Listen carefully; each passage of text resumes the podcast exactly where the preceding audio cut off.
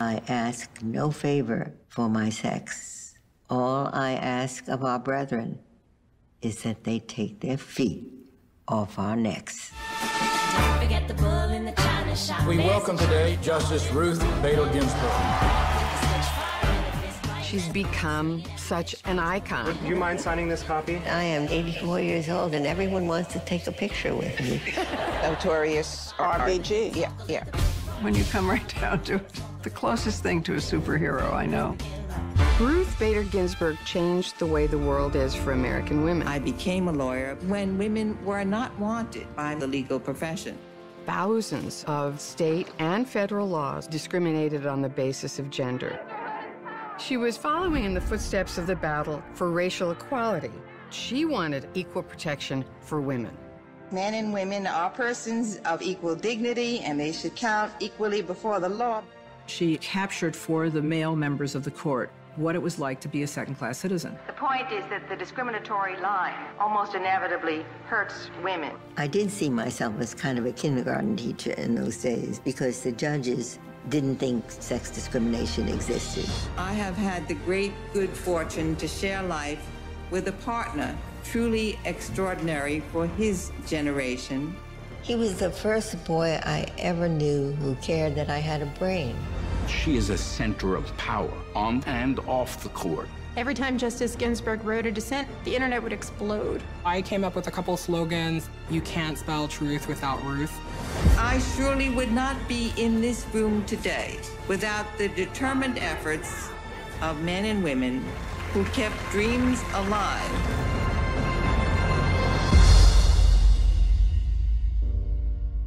I've heard that she does 20 push-ups three times a week or something. I mean, we can't even get off the floor. We can't even get down to the floor.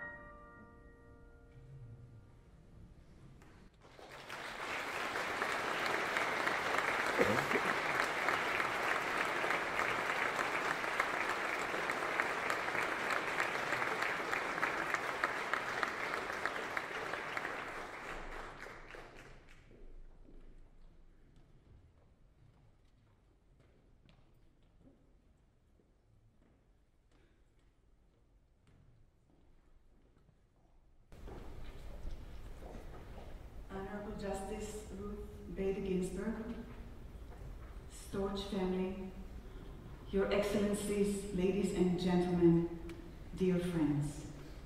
I'm very happy to welcome you to this beautiful hall, Grünewaldsalen, on the occasion of the Gilel Storch Award 2019.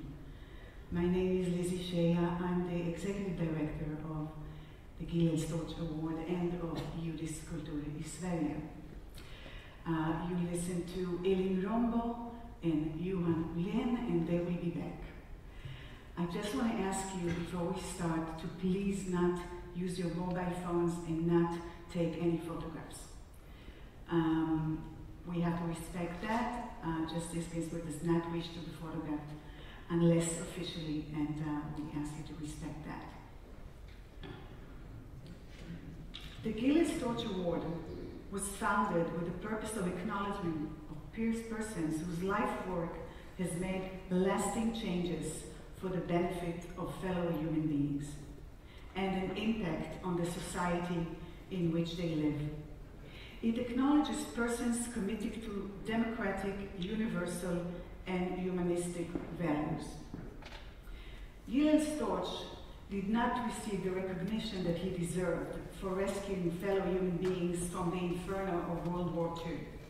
He almost went forgotten, as often happens with righteous, whose work is for the most part anonymous.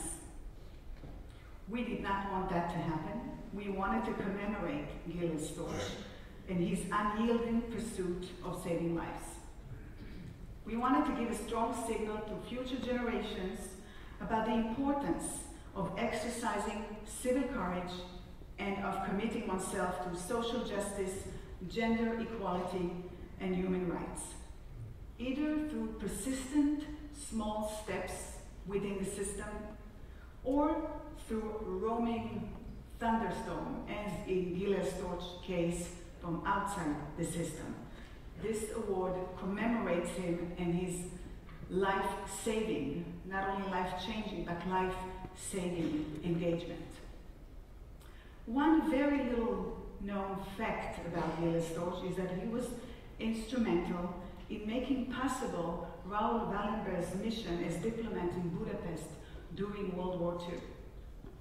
A few days ago, we bid farewell of an extraordinary woman, Nina Lagergren, who dedicated her entire life to finding answers about the fate of her brother, Raoul Wallenberg, a righteous among the nations.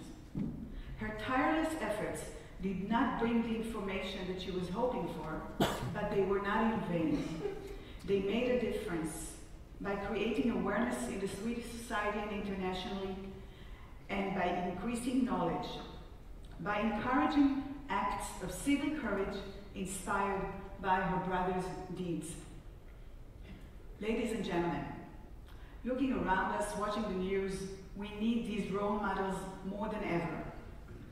Not bigger than life heroes, but everyday heroes who carry a banner of democracy and human rights, not as lip service, not to straighten lines with what is considered correct to do, but role models whose only motivation is an inner conviction that there is simply no other way. We need those role models in schools, in politics, in the arts, in the media, in the field of philosophy, in the courtroom. Ladies and gentlemen, I am extremely honored that the recipient of the Gilel Storch Award 2019 is my personal hero, Justice Ruth Bader Ginsburg. We could not have wished for a more deserving person, a role model of justice and equality for men and women alike, across generations, across genders. No wonder that Ruth Bader Ginsburg has become such a symbol, an icon for young people. Justice Ginsburg is celebrated by the grandchildren of those whose rights she was fighting for at the beginning of her career and throughout. I would like to um, proceed with the ceremony and extend special thank you to Monica and Gerald Nodler for making this day possible and the visit of Justice Ruth Bader Ginsburg possible. I also would like to thank Ulrika and Joel Citron for their contribution and to Konserthuset and the Swedish Bar Association for their cooperation on this event. Ladies and gentlemen, I'm very pleased to be able and uh, call to the podium Mr. Marcus Storch, the chairman of the Gilel Storch Committee. Thank you.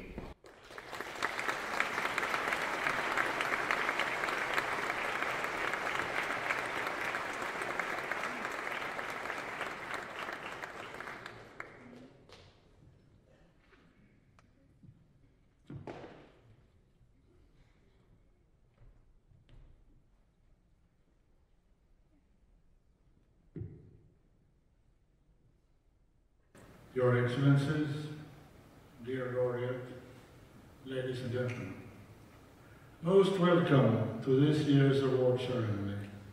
It is the second time that we give an award.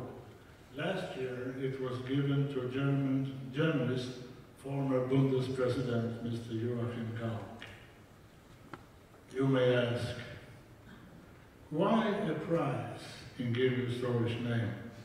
After all, it's 75 years since my father's deed were of great importance.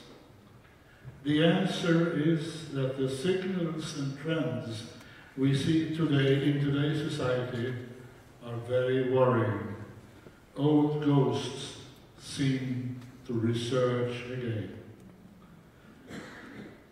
My father's actions, which are the origins of the price, are well described in Mr. Olof Palme's obituary, written in 1983. He knew my father for almost 40 years, and let me read it, and I quote, My friendship with Gilel Storch had an unusual origin. An uncle of mine had a serious hip complaint. He came to Sweden from Riga and was treated for his hip by a masseur by the name of Felix Kersten, who was attributed almost miraculous qualities. Among his patients were the Queen Mother Wilhelmina of Holland and the Chief of Gestapo, Heinrich Himmler. Whilst in Riga, my uncle made the acquaintance of a Jewish businessman called Hillel Storch, who later fled to Sweden from Nazism and communism. It is here that they renewed their friendship. Towards the end of the war, I was invited to tea at my uncle's house. And let me inflict, Olof Palme at that time was 18 years old. Among the other guests were Felix Kersten and Gilel Storch. Kersten was enormously fat. And I remember how eagerly he ate marmalade directly from the bowl. Storch was a little quiet man. The conversation revolved around how one could save Jews sorry, uh, uh, Uh, from the concentration camps and if Kersten could influence Himmler in this direction. Himmler was considered to be greatly dependent upon Kersten. I don't intend to give any deeper, go any deeper into the respective roles played by Folke Bernadotte and Kersten and Storch. This is something for the historians. However, it is well-known fact that many Jews were saved from the concentration camps at the last minute, and that Storch played an important role. Later, he became the representative in Sweden of the World Jewish Congress and a close friend of Nachum Goldman, president of the organization. I had conversation with Storch when he used to visit Tage Erlander, and he visited me regularly during my period as Prime Minister and party leader. He had a broad outlook concerning the status of Jews in the world and a deep insight, among other things, through his friendship with Goldman. Later on, when he became ill, but felt he still had many things to accomplish, he used to con contact me almost every week. Now he is no more. I've great affection for him. He has left behind uh, him a memory of a friendly, vital person with a burning desire to safeguard the interests of the Jews, but also with strong ties to Sweden, where he find, found a place of refuge. Therefore, I think it is important to pay tribute to him. And that's the end of the quotation. Individual standpoints and actions are often of decisive importance in achieving new goals. Nobel Peace Prize laureate Elie Wiesel said, indifference, after all, is more dangerous than anger and hate. One may fear that indifference is on the rise in today's society, and this points to a dangerous trend. Not to react, to be indifferent when danger is approaching, is to accept it to happen. To honor those who have shown strong moral courage and integrity is an important reminder and inspiration to all of us. The power of the example is big. The ongoing fight for democracy and everyone's equal value can never be considered a mission accomplished. Nobody will win. It is a fight that must be fought by every generation, over and over again. It is a never-ending battle. In order for a prize to be established and thereby hopefully have some influence, it must, among others, be given for several years.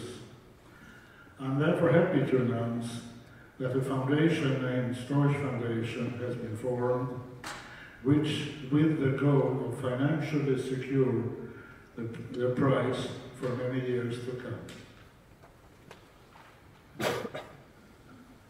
to Jewish culture in Sweden, responsible for arranging this event, with its marvelous director, Licio Shaver, a big and warm thank you.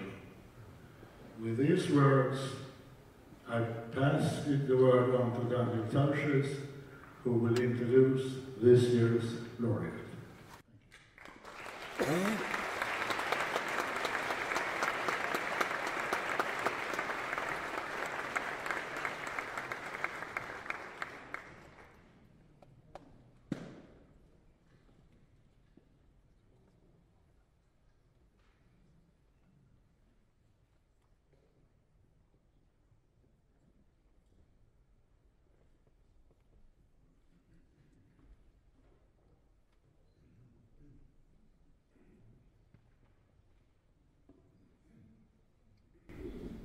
Justice Ruth Bader Ginsburg, Mr. Marcus Storch, and members of the Storch family, members of the selection committee, ladies and gentlemen, dear friends. Fame in the United States and some other countries comes when your name is compressed into an immediately recognizable three-letter acronym. Franklin Delano Roosevelt becomes FDR. John Fitzgerald Kennedy becomes JFK. Annegret Kramp-Karrenbauer, the predicted successor of Angela Merkel, is already known as AKK. I don't know whether any of the other 114 justices that have served on the American Supreme Court since 1789 have attained this level of recognition. But Justice Ruth Bader Ginsburg certainly has. In the US, she's universally known as RBG. And like the gods and goddesses in Homer's epic verse, her name is usually mentioned with a standing epithet. She's either legendary, or iconic, or notorious. there are two recent films about her, plus one animated film where she appears as a Lego figure. There are also all kinds of books, including one coloring books for kids and a physical exercise instruction on her workout program. Amazon lists more than 300 items linked to her name. Academia counted over 50. So how on earth does a judge become such a rock star? The answer can start with the figure nine. When she started out in the mid-50s at Harvard Law School, as one of 500, in a class of 500, there were nine women, nine female students. The dean greeted the women by asking each one of them how they could justify taking a place that would otherwise have gone to a male applicant. That was just the beginning of a long series of sex-related insults in her professional life, instances of discrimination in recruitment, promotion, and payment. Eventually, she became one of the nine members of the US Supreme Court, the second woman to attain that position. The figure nine also appears in the name of an American beer, oddly enough called When There Are Nine. This goes back to an interview where RBG was asked, when are there enough female members of the Supreme Court? the exceptional role of this court is very much linked to the immutable character of the American Constitution. Its short text is never changed, but it is sometimes amended. And then both the core text and the amendments are subject to substantial reinterpretation. And that's how monumental change often comes about in the US.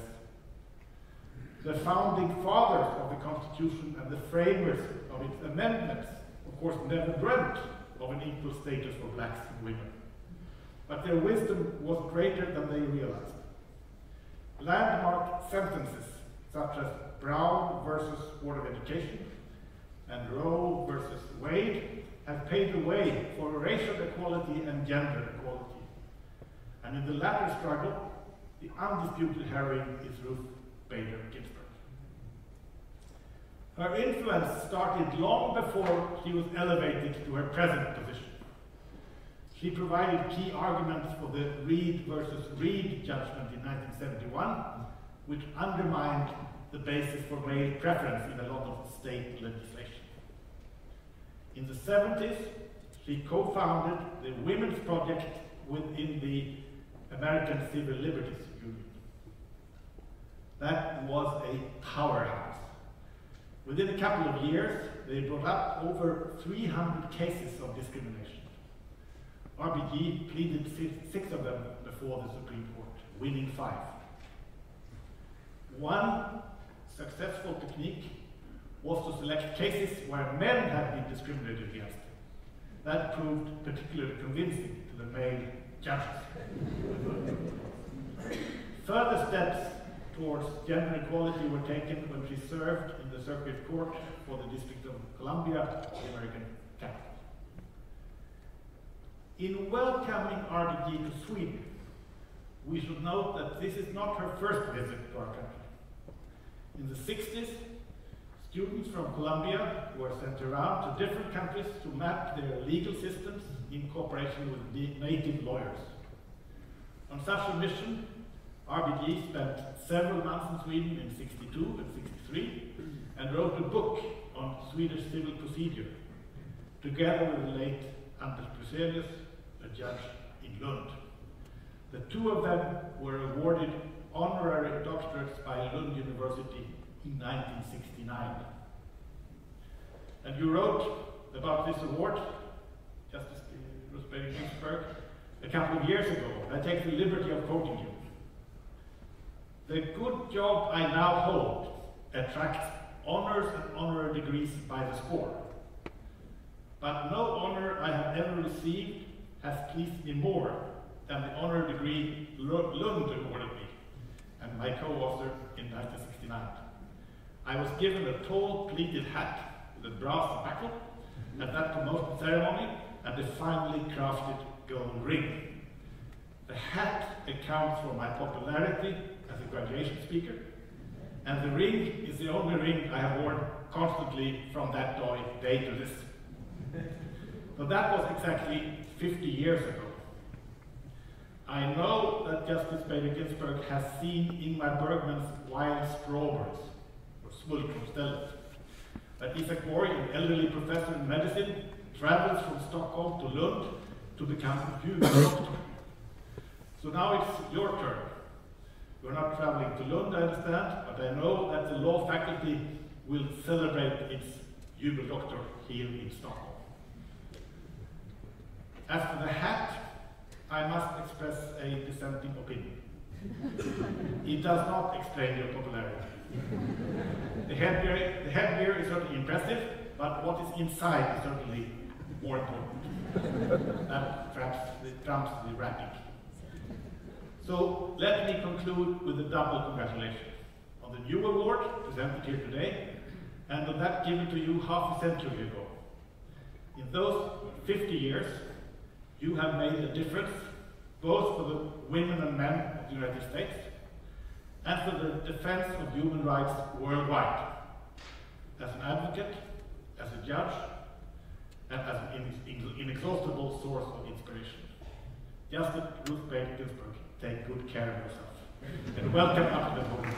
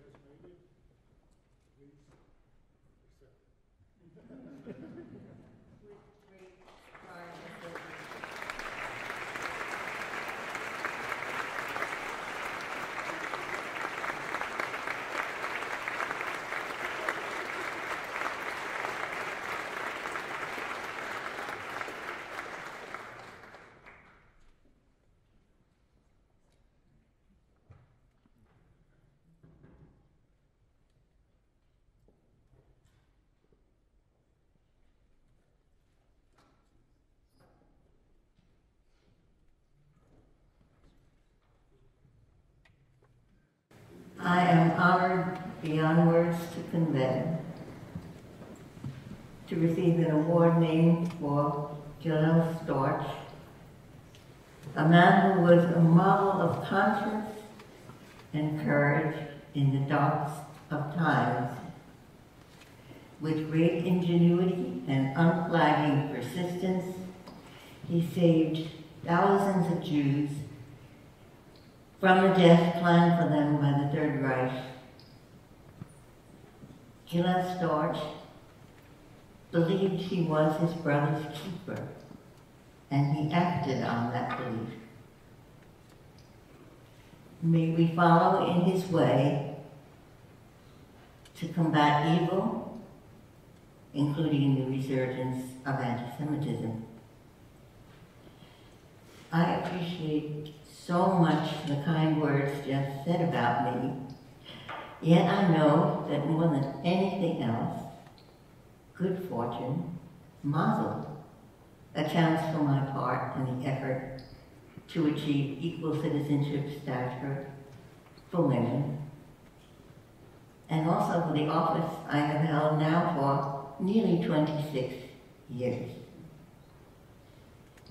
And Isaac Bashevis Singer, a remembrance that bears retelling. Singer's grandfather was a renowned Orthodox rabbi who in a sermon put this question to his congregation. Why is the Almighty so eager for praise? Three times a day we pray, Adonai Eloheinu. We say how great he is, how wonderful. Why should the creator of all the stars, all the planets, be so eager for praise? The sage rabbi's answer, the Almighty knows from experience, from divine experience, that when people stop praising him, they begin to praise one another. This singer's grandfather said, is what the Almighty does not. But small people that we are, Singer added, we enjoy sometimes some praise, especially when it comes from the mouths of good people. Just so, I am enjoying this event and my revisit to Sweden. It is fitting on this occasion to speak of two Jewish women raised in the USA whose humanity and bravery inspired me in my growing up years. First, Emma Lazarus, elder cousin to the great jurist Benjamin Nathan Cardozo. Emma Lazarus was a Zionist before that word came into vogue. Her love for humankind, and especially for her people, is evident in all her writings. She wrote constantly from her first volume of poetry published in 1866 at age 17 until her death from cancer far too soon at age 38.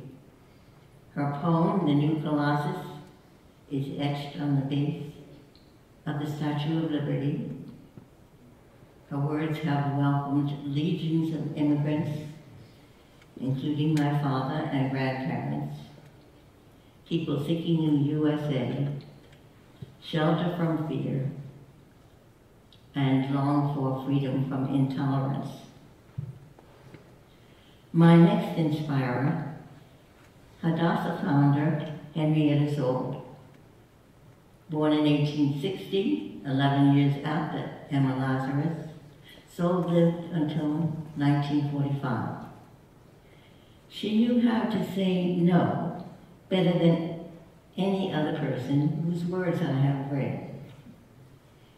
When her mother died, a man well known for his community spirit, Chaim Peretz, offered to say the Kaddish mourner's prayer that ancient custom instructed could be recited only by men. Szold responded to Peretz's offer in a letter dated September 16, 1916. The key passages. It is impossible for me to find words in which to tell you how deeply I was touched by your offer to act as Kaddish for my dear mother. What you have offered to do is beautiful beyond thanks. I shall never forget it. You will wonder then that I cannot accept your offer. I know well and appreciate what you say about the Jewish custom that only men recite the mourner's prayer. And if there are no male survivors, a male stranger may act as a substitute. And Jewish custom is very dear to me.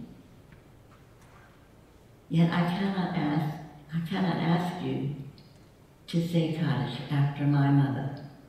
The Kaddish means that the survivor publicly manifests his intention to assume the relationship to the Jewish community which his parents had, so that the chain of tradition remains unbroken from generation to generation, each adding its own link.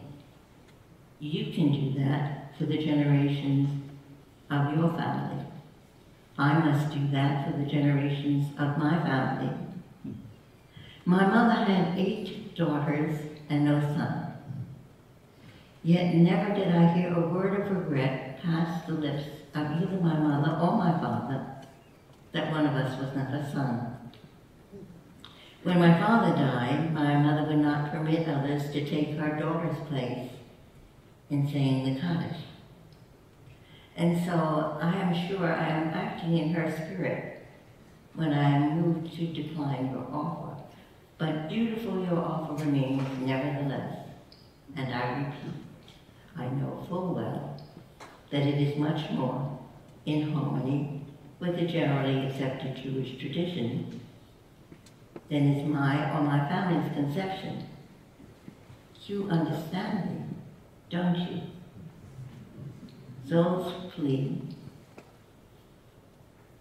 urging celebration of our common heritage while tolerating, indeed appreciating the differences among us concerning religious practice is captivating, don't you agree? Mm-hmm.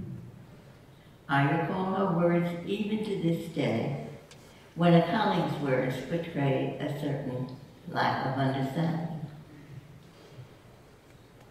When I became involved in the movement to open doors for women, enabling them to enter occupations once closed to them,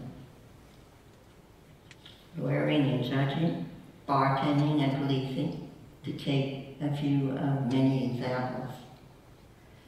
I was heartened by the words of a girl of my generation. She wrote, one of the many questions I have that has often bothered me is why women have been, and still are, thought to be so inferior to men. It's easy to say it's unfair, but that's not enough for me. I'd really like to know the reason for this great injustice. Men presumably dominated women from the very beginning because of their greater physical strength. It's men who earn a living to get children and do as they please. Until recently, women silently went along with this, which was stupid. Since the longer it's kept up, the more deeply entrenched it becomes. Fortunately, education, work, and progress have opened women's eyes. In many countries, they've been granted equal rights. Many people, mainly women, but also men, now realize how wrong it was to tolerate this state of affairs for so long. Yours, Anne M. Frank. The Preston comment was one of the last entered in her diary. Anne Frank was born in the Netherlands in 1929. She died in 1945 while imprisoned in Bergen-Belsen, three months short of her 16th birthday. I am sometimes asked how my heritage as a Jew and my occupation as a judge fit together. And my response is printed in your program for this afternoon. I am a judge, born, raised, and proud of being a Jew. The demand for justice, for peace, for enlightenment runs through the entirety of Jewish history and Jewish tradition. I hope in all the years I have the good fortune to continue serving on the bench of the Supreme Court of the United States, I will have the strength and courage to remain steadfast in service of that demand. I have asked Jewish culture in Sweden to divide the Storch Award for this year among a few recipients. Organizations seeking to repair tear, tears in our society, to reduce intolerance and promote understanding. One of the organizations is the Order of the Teaspoon, launched here in Stockholm in 2006 and inspired by the words of Amos Oz. The fire is huge, but each of us, millions of us, armed with a teaspoon, can help turn the flame to ashes. Teaspoon begins with children and their teachers, aiming to spread appreciation of the dignity of each individual, to promote respect for all of humankind, and to oppose intolerance. The second organization is Hand in Hand, an Israeli organization operating schools in which Jewish and Arab Israeli citizens learn together, play together, develop close friendships and cultural understanding. From the earliest grades, the children are taught to speak, read, and write in Hebrew and in Arabic. They learn of the shared values of Jews, Muslims, and Christians, among them helping others, welcoming strangers, opposing oppression, and caring for the earth. I would choose a third organization, one in the USA, an organization that strives to put down the ugliness in our midst and to foster democracy, equality, and decency. With huge appreciation for Jewish culture in Sweden and for the Gilel Storch Award, may I say to all gathered here, Shalom, Toda Rabah.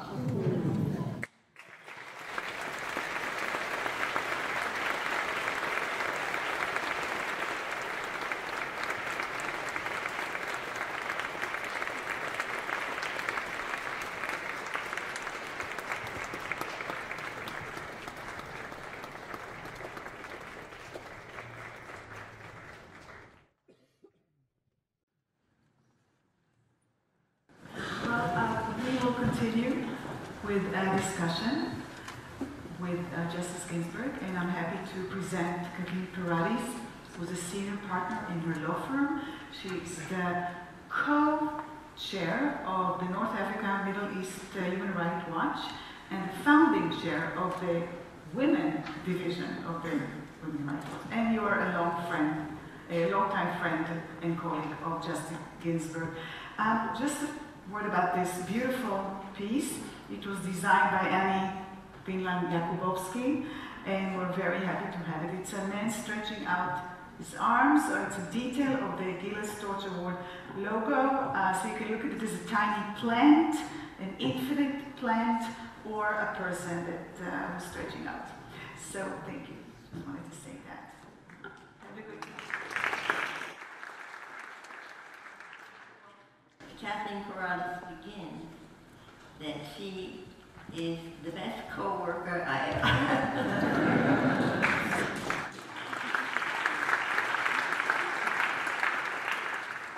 And I should assure you that I dine out on that sentence every day.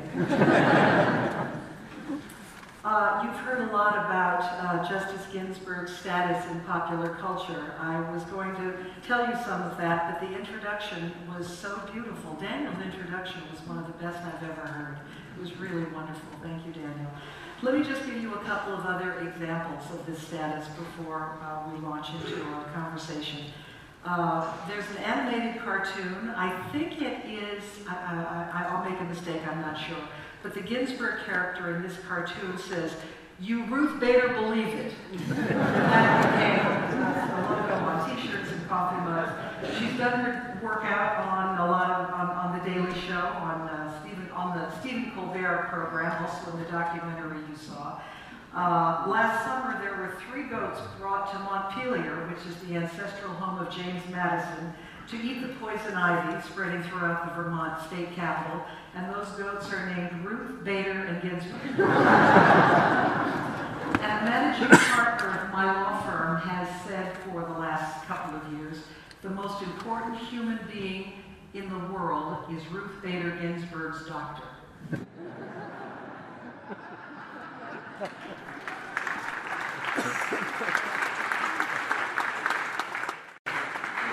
also a spider named after him? Oh, no.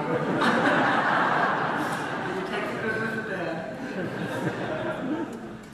Uh, I would like to begin by asking you to say a little more about your Swedish experience. American audiences are used to, and many people in America know a lot about Ruth's childhood in Brooklyn and her experiences in college and law school, and then the ACLU and on the bench, which I promise you I will touch on. But American audiences are less familiar with this subject that will be of great interest to all of you. So I'd like to ask you to uh, describe how that came about and what you did when you were here. It came about in 1961. Columbia University School of Law was doing a project on international procedure, and they had selected a number of countries, um, Italy, Japan, France, and Sweden. The idea was to put together a U.S. author and an author from the country whose system was described. There were many people interested in writing a book about Italy and France and Japan. Uh, but Sweden, as you know, is a small country. So I think what they did was they went through the list of women graduates. they thought women might want to do the job even if there was no commercial payoff.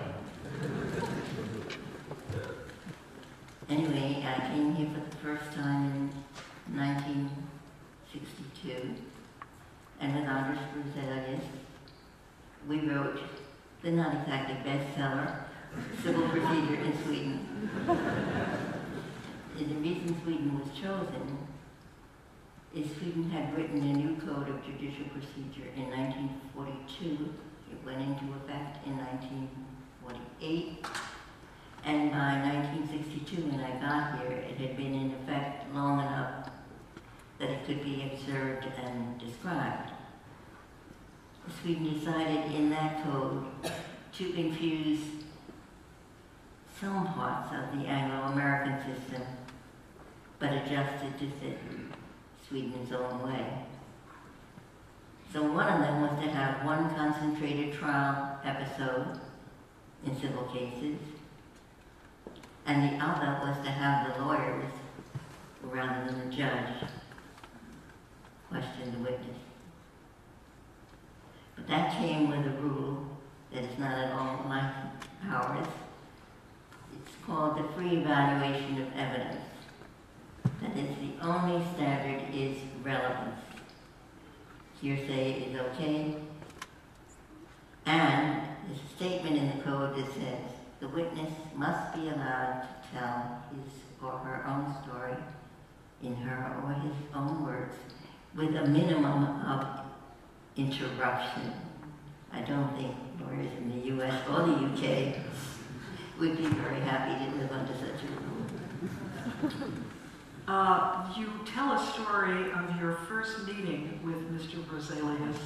Can you tell us about that? I came to Kastrup, and August Bruzelius lived in Lund, and he was a city court judge there. and he was he came to Kastrup to meet Mrs. Ginsburg. And I was waiting for a tall, handsome Swede. well, everyone left, and there were only two people in the arrival hall. One was Anders Bruzelius, who was not very tall and was middle-aged. Anders Bruzelius was expecting to see a middle-aged, um, stout uh, Mrs. Ginsburg, kind of like Molly Goldberg, was his idea of what I would be. And then finally, I approached him and Are you Anders Bruzelius? And that's uh, how we met. So your time here, I know, uh, affected you and your thinking and had an impact on your future work. Can you say a little bit about what you found here that uh, has that stuck with you? I should say first how I was when I came here. Women not welcomed in the law in the United States in the 50s and into the 60s. I didn't think there was much you could do about it, It's sort of just the way things were, and I have to cope with it. I came here, and the first thing I noticed was that the women at the University of Lund's law faculty were about 20% of the class when they were less than 5% in the United States. It was less than five at Harvard. It was less than that elsewhere. Yes. Well, Harvard Law School didn't begin to admit women until 1950. I observed proceedings in many courtrooms. One was here in Stockholm. It was a trial court. It was a full NIM. And in the center is the judge, and she's eight months pregnant. then there was Eva Moberg, who wrote a column that was quite controversial at the time. And the title was, Why Should the Woman Have Two Jobs and the Man Only One? What she meant was, it's well accepted that family should have two earners. And I don't know if that was because of ideology or inflation, but but the woman was expected to take care of all the children's needs, the inoculations, the new shoes, and to have dinner on the table at seven. The thrust of the article was he should do a lot more than take out the garbage. So was that a thought that was sort of revolutionary to you at the time? Well, not entirely, because as you know, Kathleen, I had a, a life partner. Even, even my coming to Sweden, my daughter's here someplace in the room. She was six, turning seven. And I came to Sweden and lived here for a month alone. And Jane, when she finished her school year, then came to me. Uh, Marty thought it was a great thing for me to do. Most husbands at that time would not have thought of that.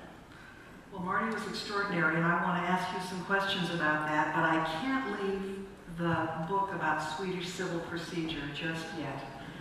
Uh, I read uh, a review of that book on Swedish civil procedure, and you may be surprised to know that phrases are used like irreducible mystique, graphic and earthy, undeniable pleasures. So you managed to do that with Swedish civil procedure. no, I'm not. It's actually in the review. I'll, I'll send you the copy. Uh, it's been a while ago. And you learned Swedish for that effort. And I've heard you use it since we've been here this week. I, I learned to read the Rättegångsbalk. Didn't you learn the wrong dialect? Oh, no. What was that story? Um, my tutor was a, a young man from the USA who left home in his teens to join the American Ballet Theater, came to Stockholm, fell in love with the city, joined the, the Swedish ballet. And then along the way, he realized that he was not going to be another Nureyev. So he came back home, went to college at Columbia, and he was my he was my tutor. He came uh, three or four times a week. But then I came to Skåne, and I didn't understand a word.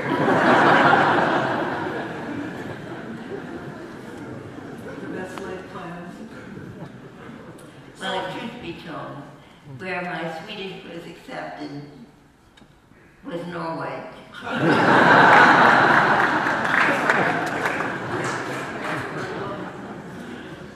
So let's take a step back. Before you came to Sweden, you had already gone to college and law school. Describe how it was for women and women in law school in particular in the 50s. As I said, women were not welcome by the law. The dean of the Harvard Law School had his famous dinner for all of the women in the first year class.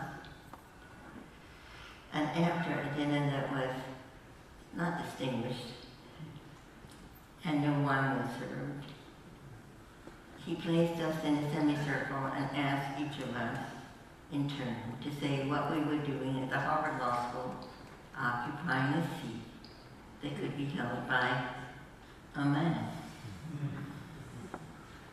Were there groans or anything, or did everybody just sit still? Well, I, I had uh, one classmate who gave the best answer. She said, Dean Griswold, there are nine of us. Well, really only eight because Ruth Ginsburg doesn't count for this purpose.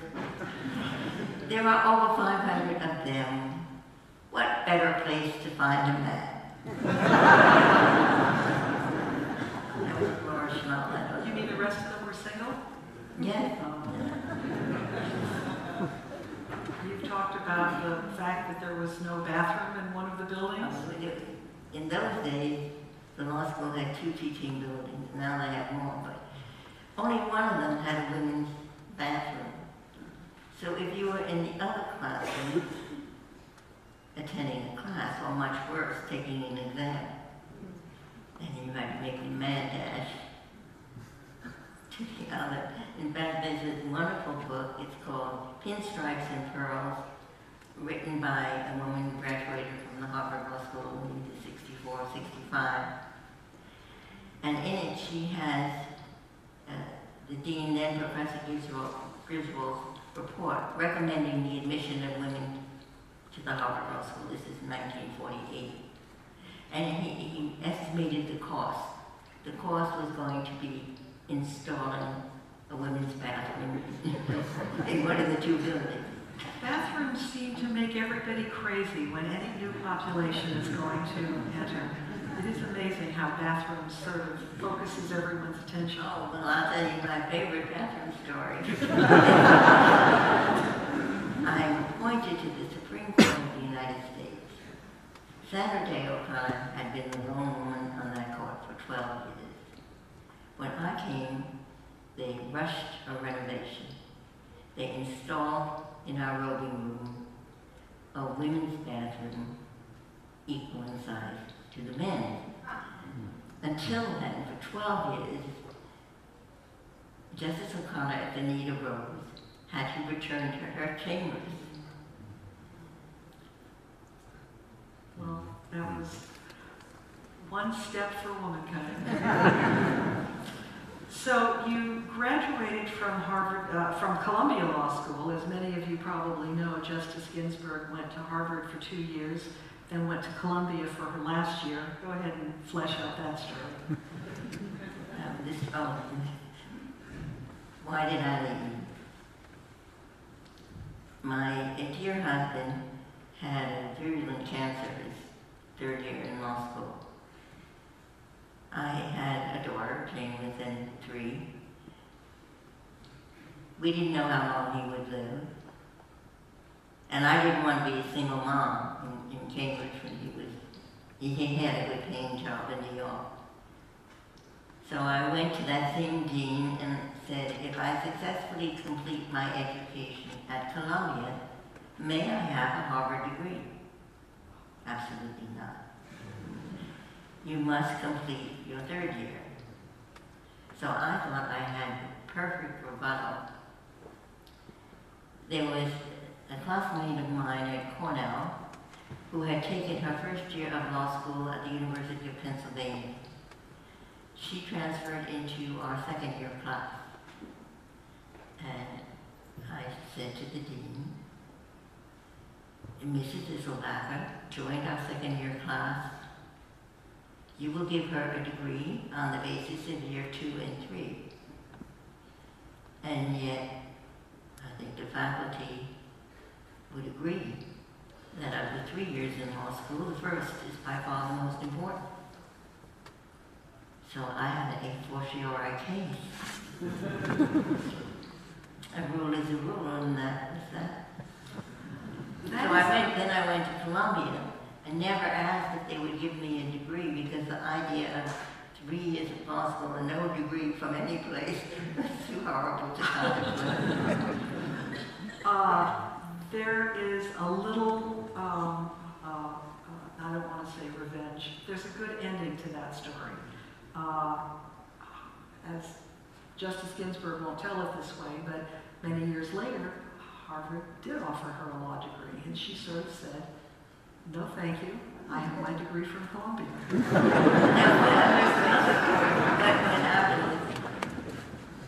And the dean then was my now dear colleague, Elena Kagan. And I said, it's very nice of you to make the offer, but we can't rewrite history. In the me- meantime, Marty said, pulled out for an honorary degree from the university. Yeah, Sandy one year after he died, but, it, but that was a great day in my life because the, the honorary degree recipients were lined up in alphabetical order. I was right next to Placido Domingo. and then the students arranged something special. When I was given my degree, Domingo stands up and he sings lyrics the students wrote to the tune of Celeste Aida. Oh, and it was Celeste Ruth. So it was fantastic. I happen to have on my phone a picture of her face when he was singing to her. If anybody wants to see it after this is over, I will show it to you. I know it's often called Woman in Ecstasy.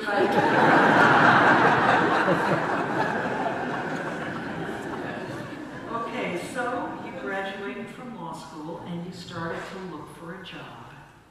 Would you say a little bit about how that went? Mm-hmm. Not well. I my dear mother-in-law gave me a, a well-tailored black suit, so I thought I looked lawyer-like. You wouldn't, wouldn't wear that jacket. First, it was sign-ups at Columbia Law School, and many of them said, women not wanted. I signed up for as many as were willing to interview me. Only two called me back to their law firm, and neither of those offered me a job. But there was a professor at Columbia, a renowned constitutional law scholar, Gerald Gunther, who was determined to find a place for me. So he called every judge in, in the two districts, in the Eastern District of New York and the Southern District, and every Second Circuit judge. And he came to one, Judge Edmund. Palmieri, who was a Columbia undergraduate, Columbia Law School graduate, and who always took his, his law clerks from Columbia. This is a story I didn't know till years later when Jerry wrote about it. Judge Palmieri said, well, her record is, is good. Like first in her class, that's but, but she had a four-year-old daughter. And sometimes we have to work on Saturdays. And Jerry said Ruth, Ruth Ginsburg will work even on a Sunday. But in any case, he had a carrot.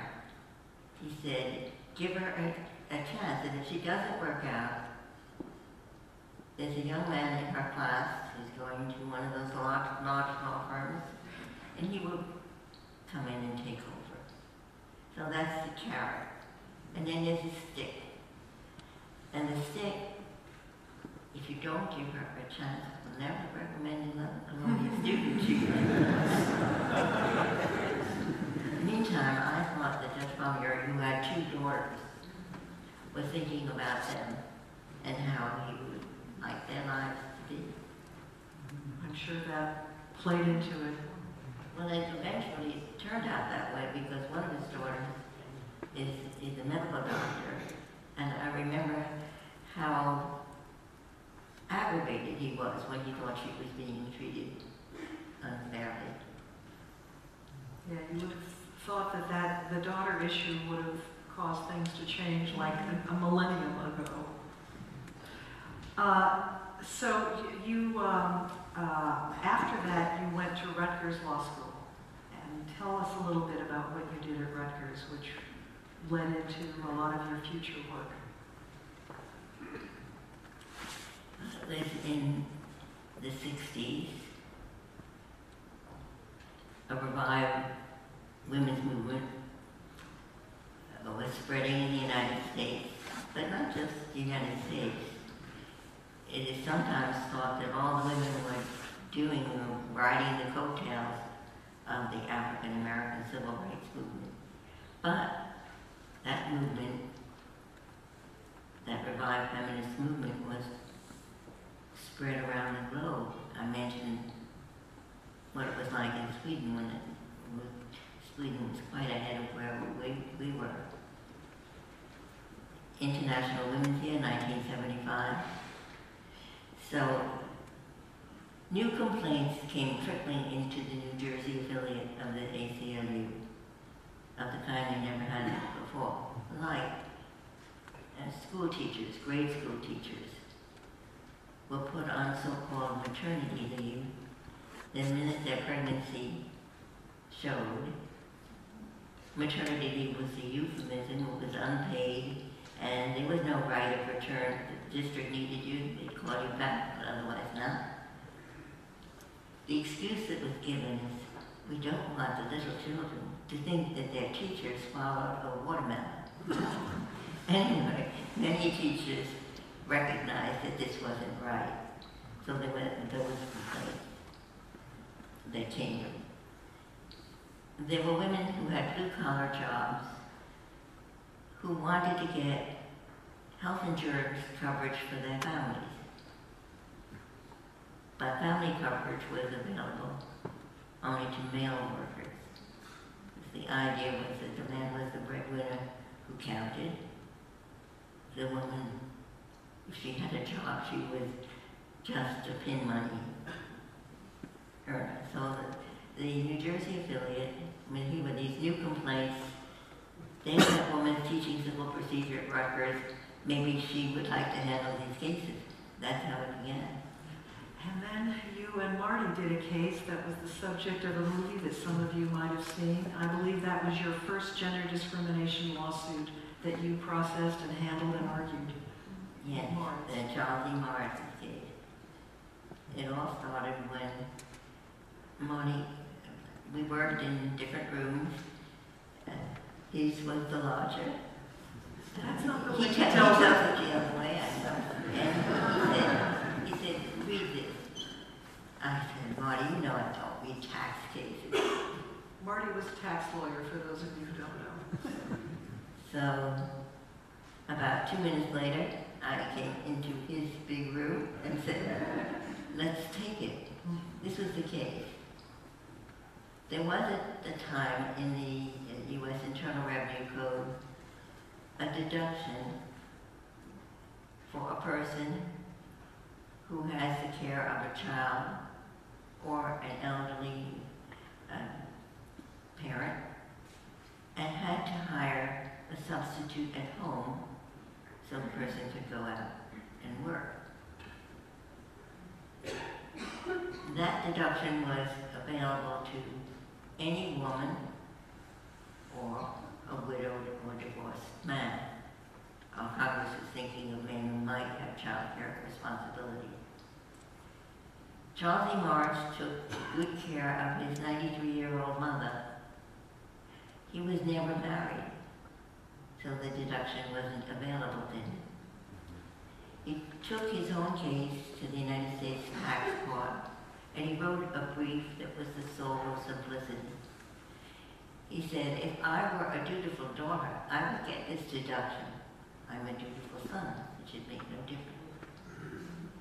And that was So that, that model of a man who was disadvantaged by what we now call gender stereotyping set a course that was replicated, and you replicated it, in Supreme Court cases for the next decade. Can you just say a little bit about what those cases, how things were at the beginning of the 70s uh, on gender discrimination under the Constitution, and how the decade ended? Well, the Supreme Court never saw, up until the year 1971, a gender-based classification. It didn't like, or at least thought it was un- unconstitutional. I mean, there were some pretty uh, compelling cases, like uh, Gwendolyn Hoyt, a woman in Florida who had an abusive, philandering husband. And one day, she was so outraged, so beside herself. She spied her young son's baseball bat, picked it up, hit her husband over the head. He fell on a, a stone floor. That was the end of their altercation and the beginning of her murder prosecution.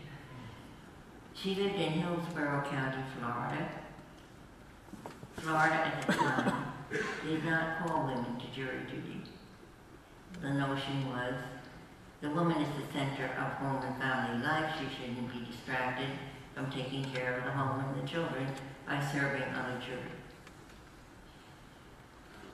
Gwendolyn Hoyt's idea, and the ACLU lawyers who represented her, Dorothy Kenyon, uh, was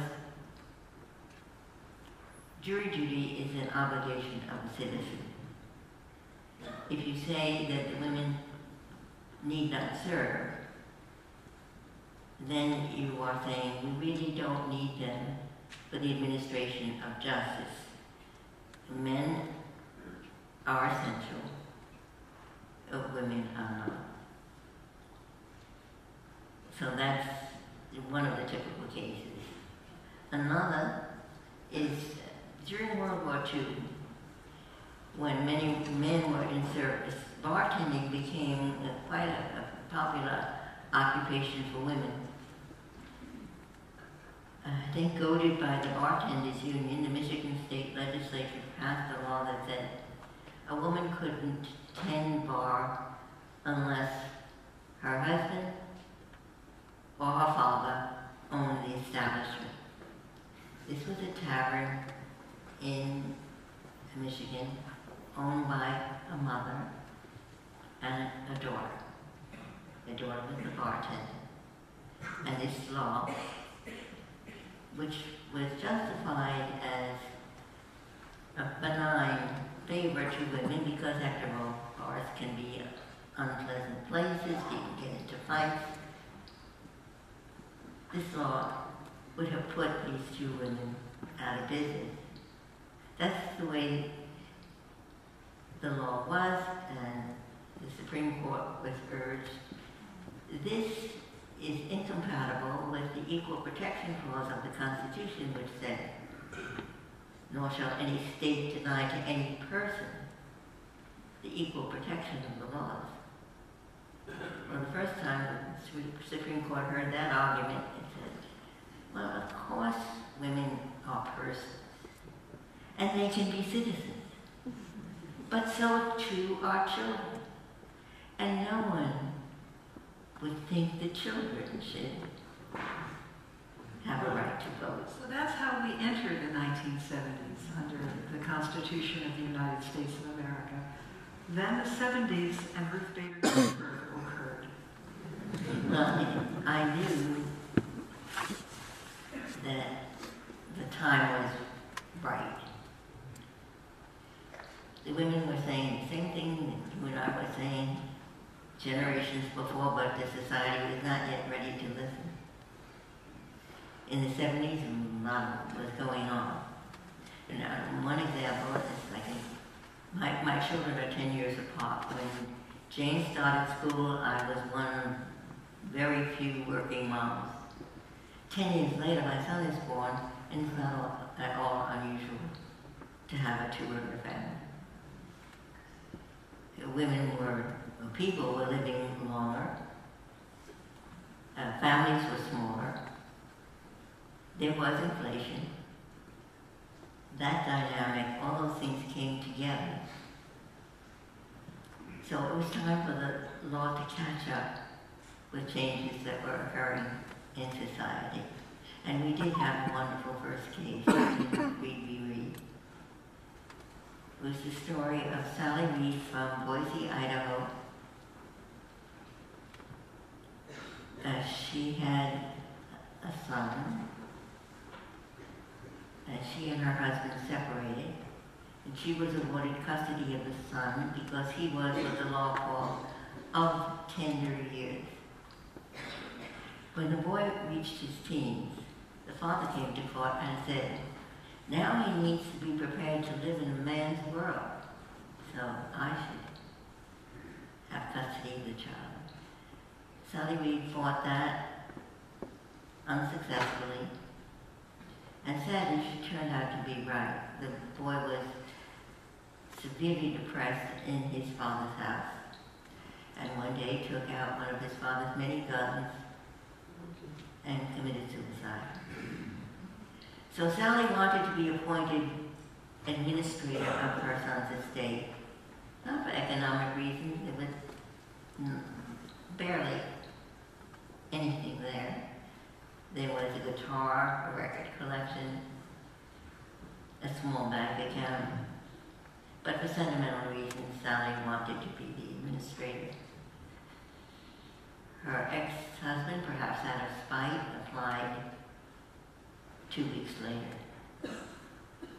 They come to the probate court and the judge tells Sally, I'm sorry, but the law leaves me no choice. It reads, as between two persons equally entitled to administer the decedent's estate, males must be preferred to females.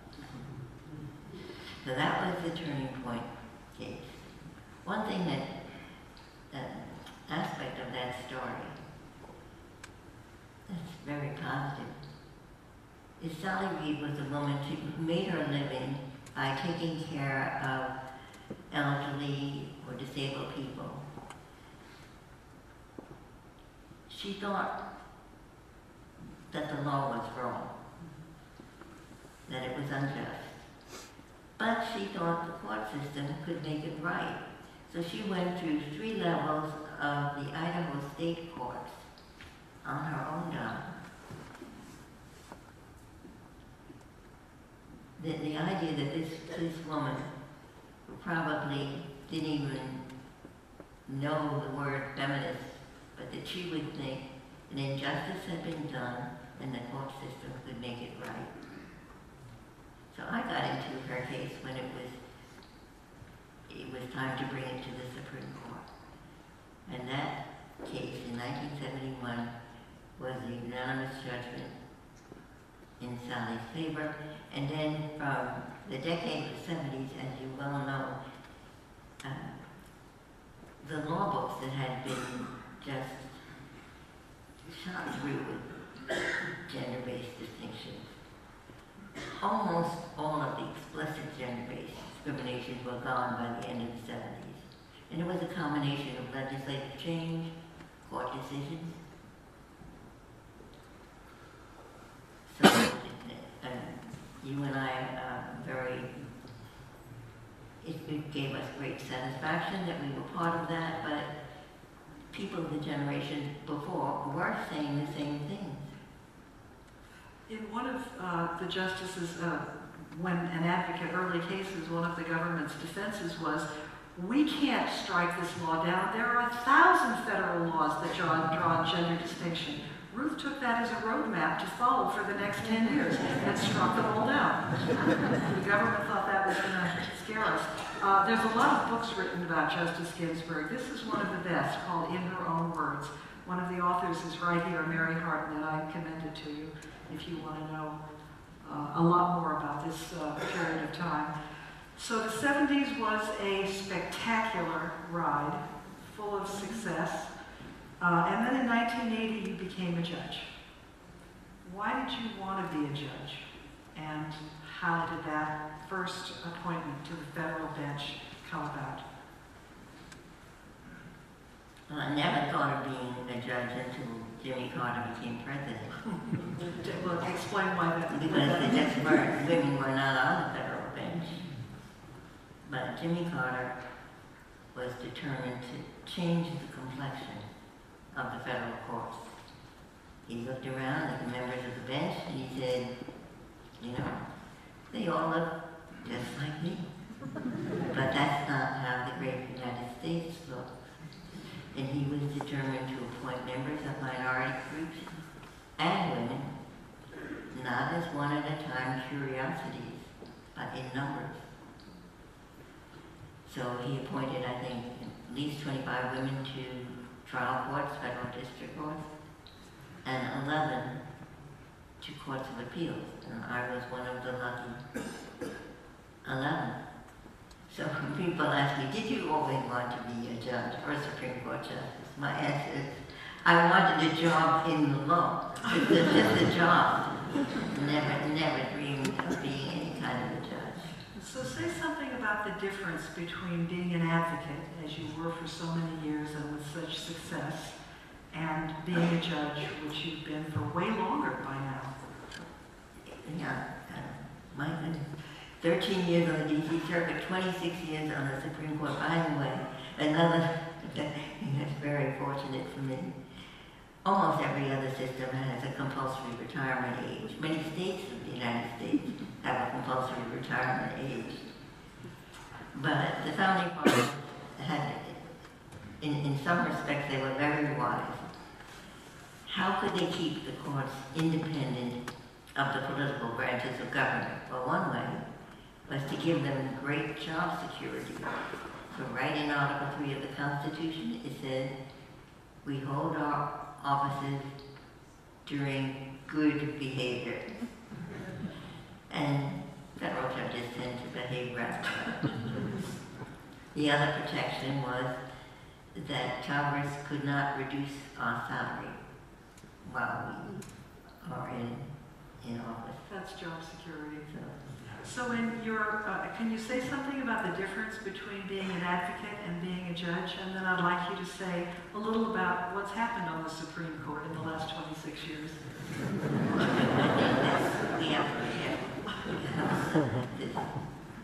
speaking about that. Well, I, I will say that it's the most collegial place I've ever worked, beyond any law faculty, beyond the DC circuit we all respect one another. In many cases, we're gen genuinely fond of each other. I think it's well known that my best friend on the DC circuit was Antonin Scalia. Could not have two people who were less alike in the way they and they see the Constitution. So it is a, a very collegial court, it is to this day. So you had to use your advocacy skills as a judge. Oh, so people ask me, don't you miss being an advocate? I said, what do you think I'm doing here? You know, Every time the, the court is divided, and there's, and I'm on the short side, I'm always hoping that there'll be the fifth vote, or maybe the sixth vote, and it sometimes happened. There was one case, it was a criminal case. My senior colleague, John Paul Stevens and I were the only dissenters. He assigned the dissent to me. In the fullness of time, that case, the, the opinion was released. Came down six to three. The two had swelled to six. So, as a famous man once said, it ain't over till it's over. Uh, of the dozens and dozens of extremely important cases, some of which have changed America in your years on the court, you could tell stories about many of them, but could you tell the story about the VMI case, what it was and what it meant? The Virginia Military Institute is a school supported by the state of Virginia. Uh, It has a very loyal alumni group. So the graduates, most of them don't go on to careers in the military. They're in commerce and business. And there was a kind of an old boys network that helped them along the way. The school is a state school. They are providing an opportunity for boys, men, and they have nothing comparable for women. That's a blatant denial of the equal protection of the laws. Sometimes I'm asked, well, what woman would want to go to VMI? With the Spartan existence, the rigid training, it's not my cup of tea. But there are women who want that education and are fully qualified for it. They should have the chance. One, one of my possessions that's among my fondest is that I got a letter from a VMI graduate, and he said, I am so glad that my daughter, if she wants it, will have a chance to be educated at VMI. And then some, some months later, I got a, another letter from him, and there was something inside it. Turned out to be a pin that looked like a little tin soldier. And he said, my mother died last week. I am enclosing a pin that's given to every mother of a VMI graduate. I know my mother would want you to have her pin. Then we went back to celebrate, it was the 21st anniversary of that decision. You didn't mention that that gender line was struck down, you probably assumed it. Oh, yeah, it was only one dissenting vote to the school year. and of course, it gave, gave me great satisfaction to write, write the opinion. The first year, it was rough for the young women because the school said we're not making any concessions. When the men come here, first thing we do is we shave their heads, women too. Well, sanity prevailed, and now the women no longer have their heads shaved. But they do live in the same Spartan quarters, and I met with them, and these are the most um, enthusiastic women. Many of them are in the engineering program. VMI now thinks it's a great thing that happened to the institution. Well, for one thing, it immediately upgraded their applicant pool. Now they have women on the faculty, they have women on their uh, board, of, board of trustees. That's a real, real success story. That was one of the decisions I remember just jumping and screaming and yelling because it wasn't entirely clear it was going to go that way.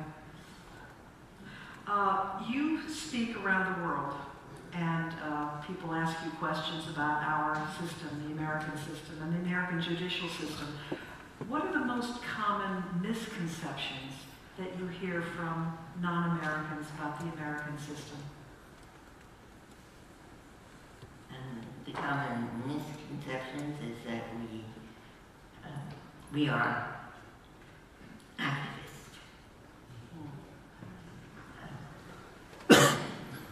Judges should not make law, they should just apply the law. Anybody in the law business knows that that's quite impossible.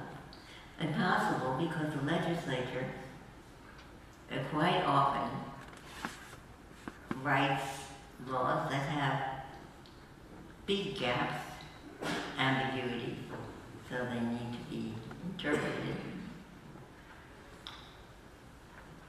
Um, the United States, I think, was the first nation in the world to have judicial review for constitutionality. That goes back to the very beginning of the 19th century. Uh, if that was questioned,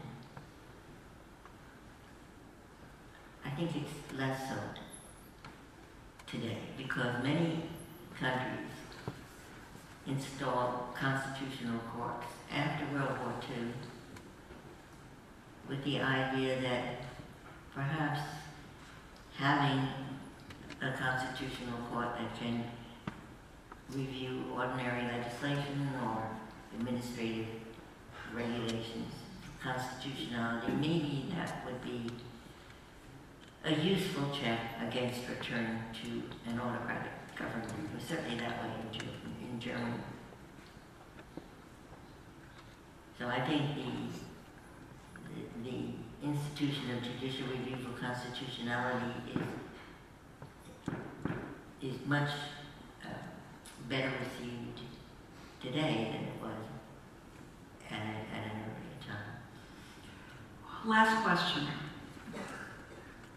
The award is in the name of Gil L. Storch, who was one person who made a huge difference. And you're one person who's made a huge difference.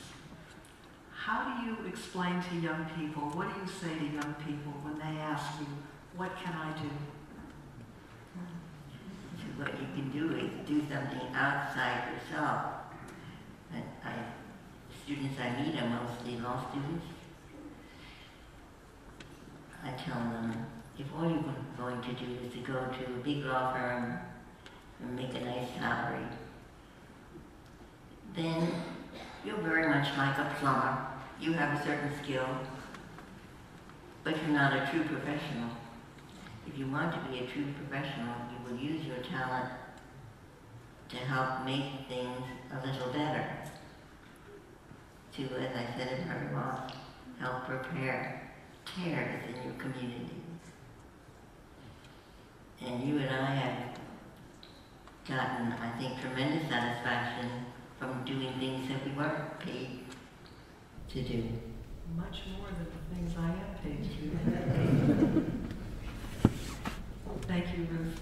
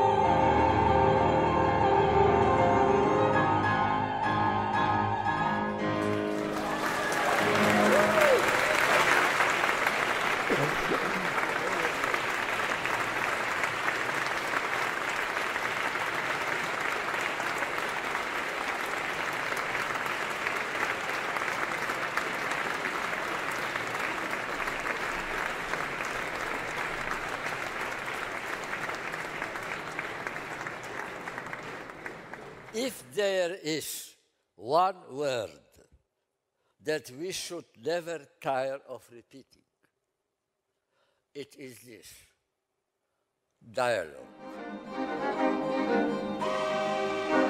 What is the relation between tradition and creation in your work?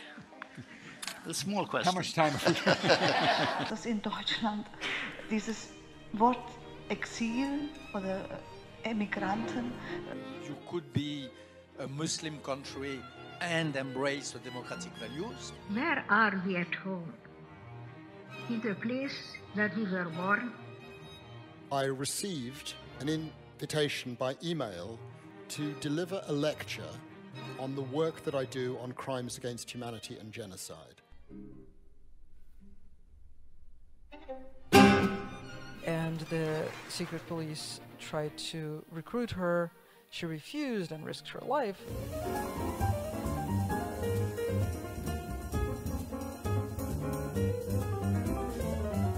I realized that my entire life has been about reconciling contradictions. Everybody has the same great ideas.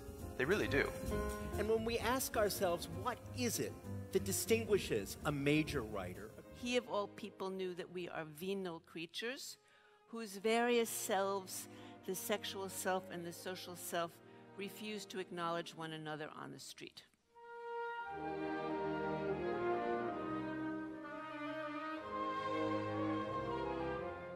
In the old days, people used to go to hear the great conductors, uh, Furtwängler or Toscanini. And he knew something terrible has happened and he did not help him. And even before he saw how Dovale has been harassed by his comrades and he did not help him, he turned a blind eye. I am now in my 96th year and I am the last surviving Nuremberg war crimes prosecutor.